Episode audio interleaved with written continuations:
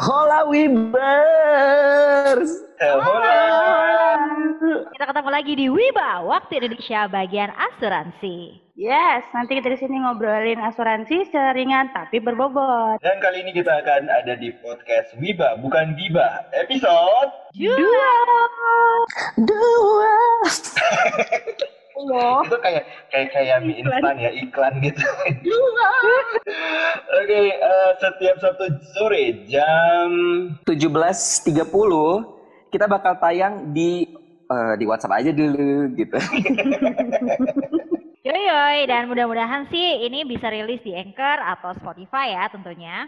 Jadi eh, kali ini di episode 2 kita kedatangan tamu spesial yaitu drum roll.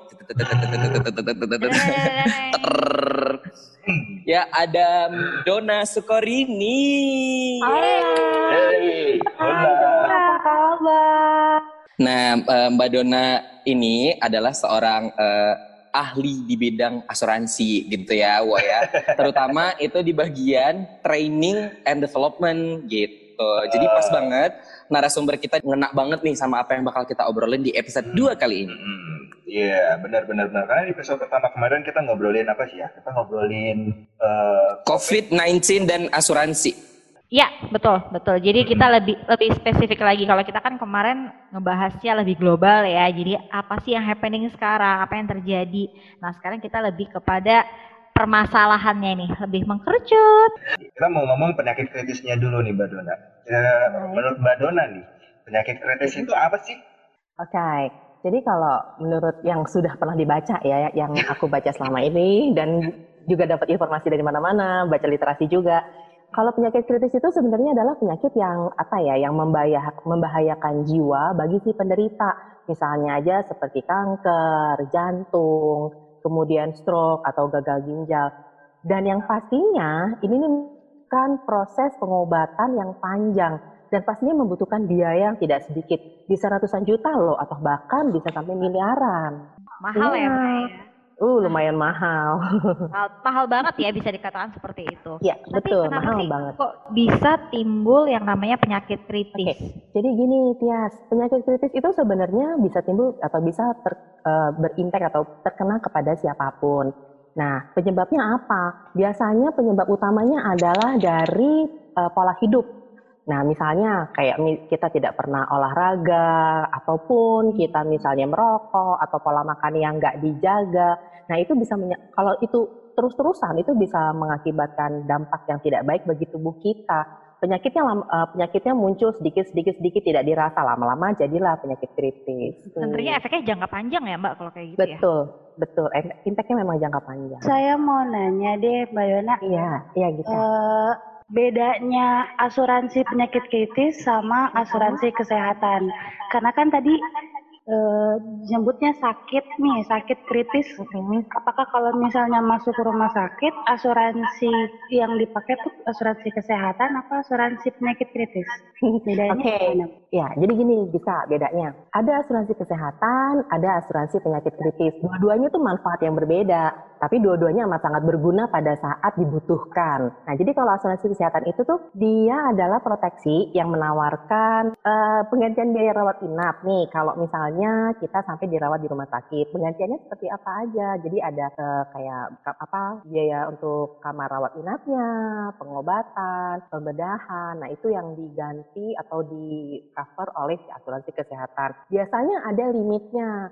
Nah, limitnya itu tergantung dari plan yang kita ambil. Nah, bedanya sama penyakit kritis, eh, asuransi penyakit kritis, kalau asur- asuransi penyakit kritis itu begitu nasabah kita terdiagnosa, bi- biasanya ini terdiagnosa di stadium akhir ya, maka dia akan mendapatkan uang tunai yang kita sebut sebagai uang pertanggungan secara lamsam atau sekaligus. Nah, uangnya ini berguna banget loh. Contoh, kalau ternyata biaya apa namanya proteksi di rumah sakitnya udah habis, nah kita bisa pakai nih eh, uang tunai dari proteksi penyakit kritisnya untuk pertama nutup biaya kekurangan eh, perawatannya atau bahkan karena dia sakit kritis dan tidak bisa bekerja lagi, uangnya ini bisa dipakai untuk menyambung hidup.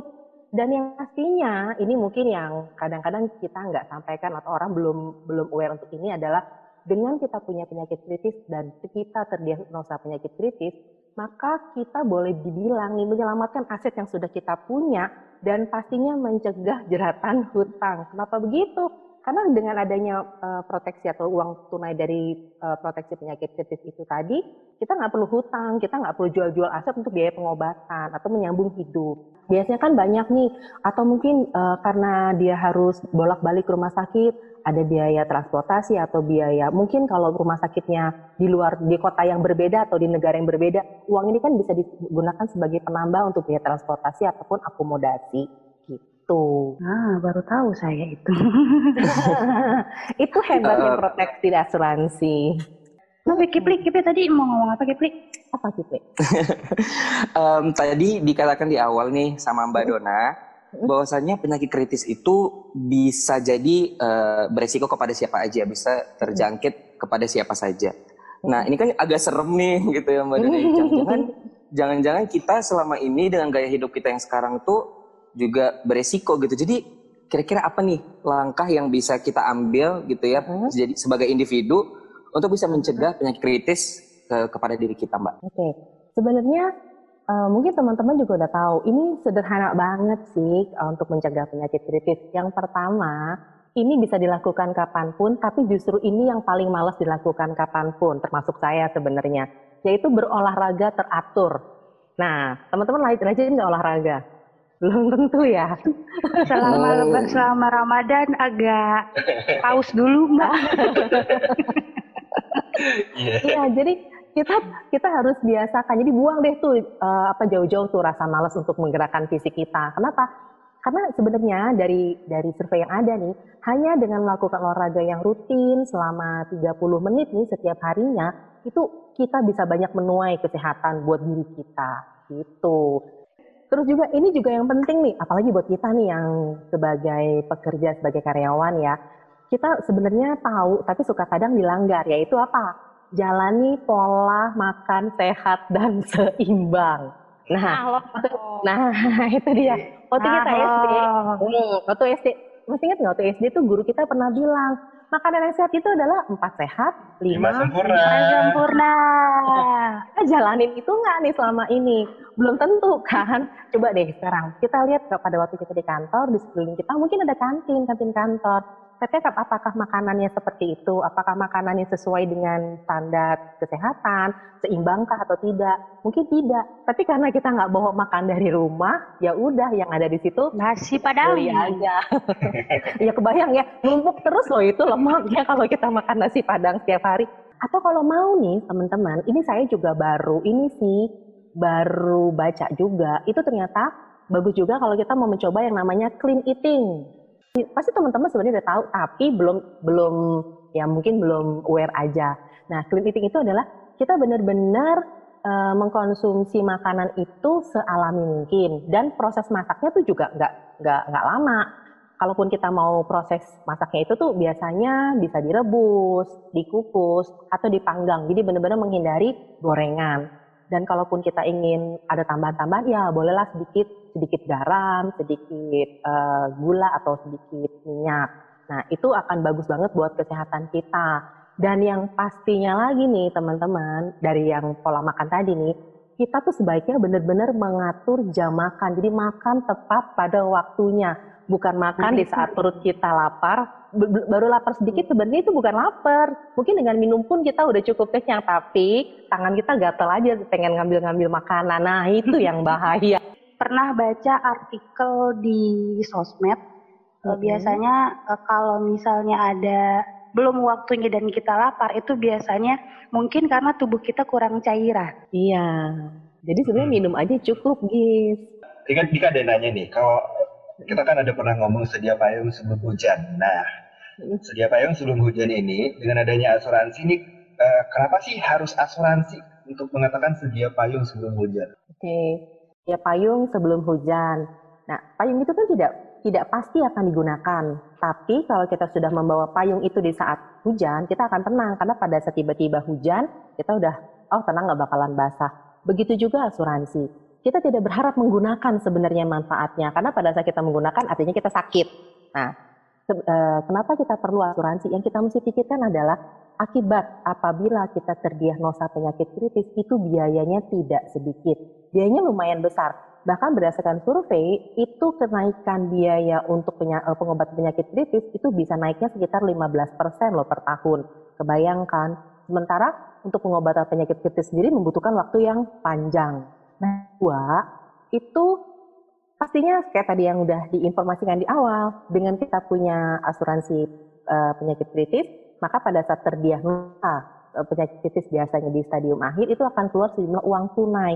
Uang tunai itu bisa digunakan untuk menyambung hidup, untuk biaya-biaya pengobatan. Jadi kita nggak perlu lagi pinjam atau bahkan tidak juga untuk uh, apa namanya tidak tidak juga apa menjual aset. Jadi amat sangat berguna buat kita. Jadi memang sebaiknya selagi kita sehat, belilah atau setelah produk-produk yang memang sesuai dengan kebutuhan kita. Ini kan penyakit kritis sebagai kematian terbesar ya di Indonesia. Contohnya kemarin mm -hmm. beberapa babak figur ya mengalami penyakit yeah. tersebut ya padahal masih muda banget ya range 40 ya atau 50 mm -hmm. kan kan cukup muda tuh. Mm -hmm. Nah, kira-kira ada tips nggak Mbak untuk menangani hal-hal uh, seperti ini nih?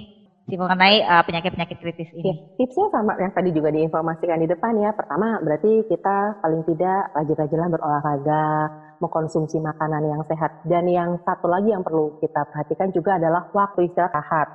Nah, apa sih kita perlu waktu istirahat? Karena kan kita satu hari itu 24 jam, enggak 24-24 jamnya juga sih kita pakai buat bekerja. Tapi biasanya waktu kita itu lebih banyak dipakai untuk melakukan aktivitas dibandingkan dengan istirahat. Nah, kenapa istirahat itu penting? Karena tubuh manusia itu perlu proses pemulihan supaya kita bisa beraktivitas normal kembali keesokan harinya. Dan juga pastinya uh, kita harus bisa memanage yang namanya stres. Karena penyakit itu biasanya banyak datang dari stres atau pikiran. Apalagi buat teman-teman yang tinggal di kota besar. Gak usah pekerjaan deh, dari rumah ke kantor aja karena jalanan macet. Itu kan.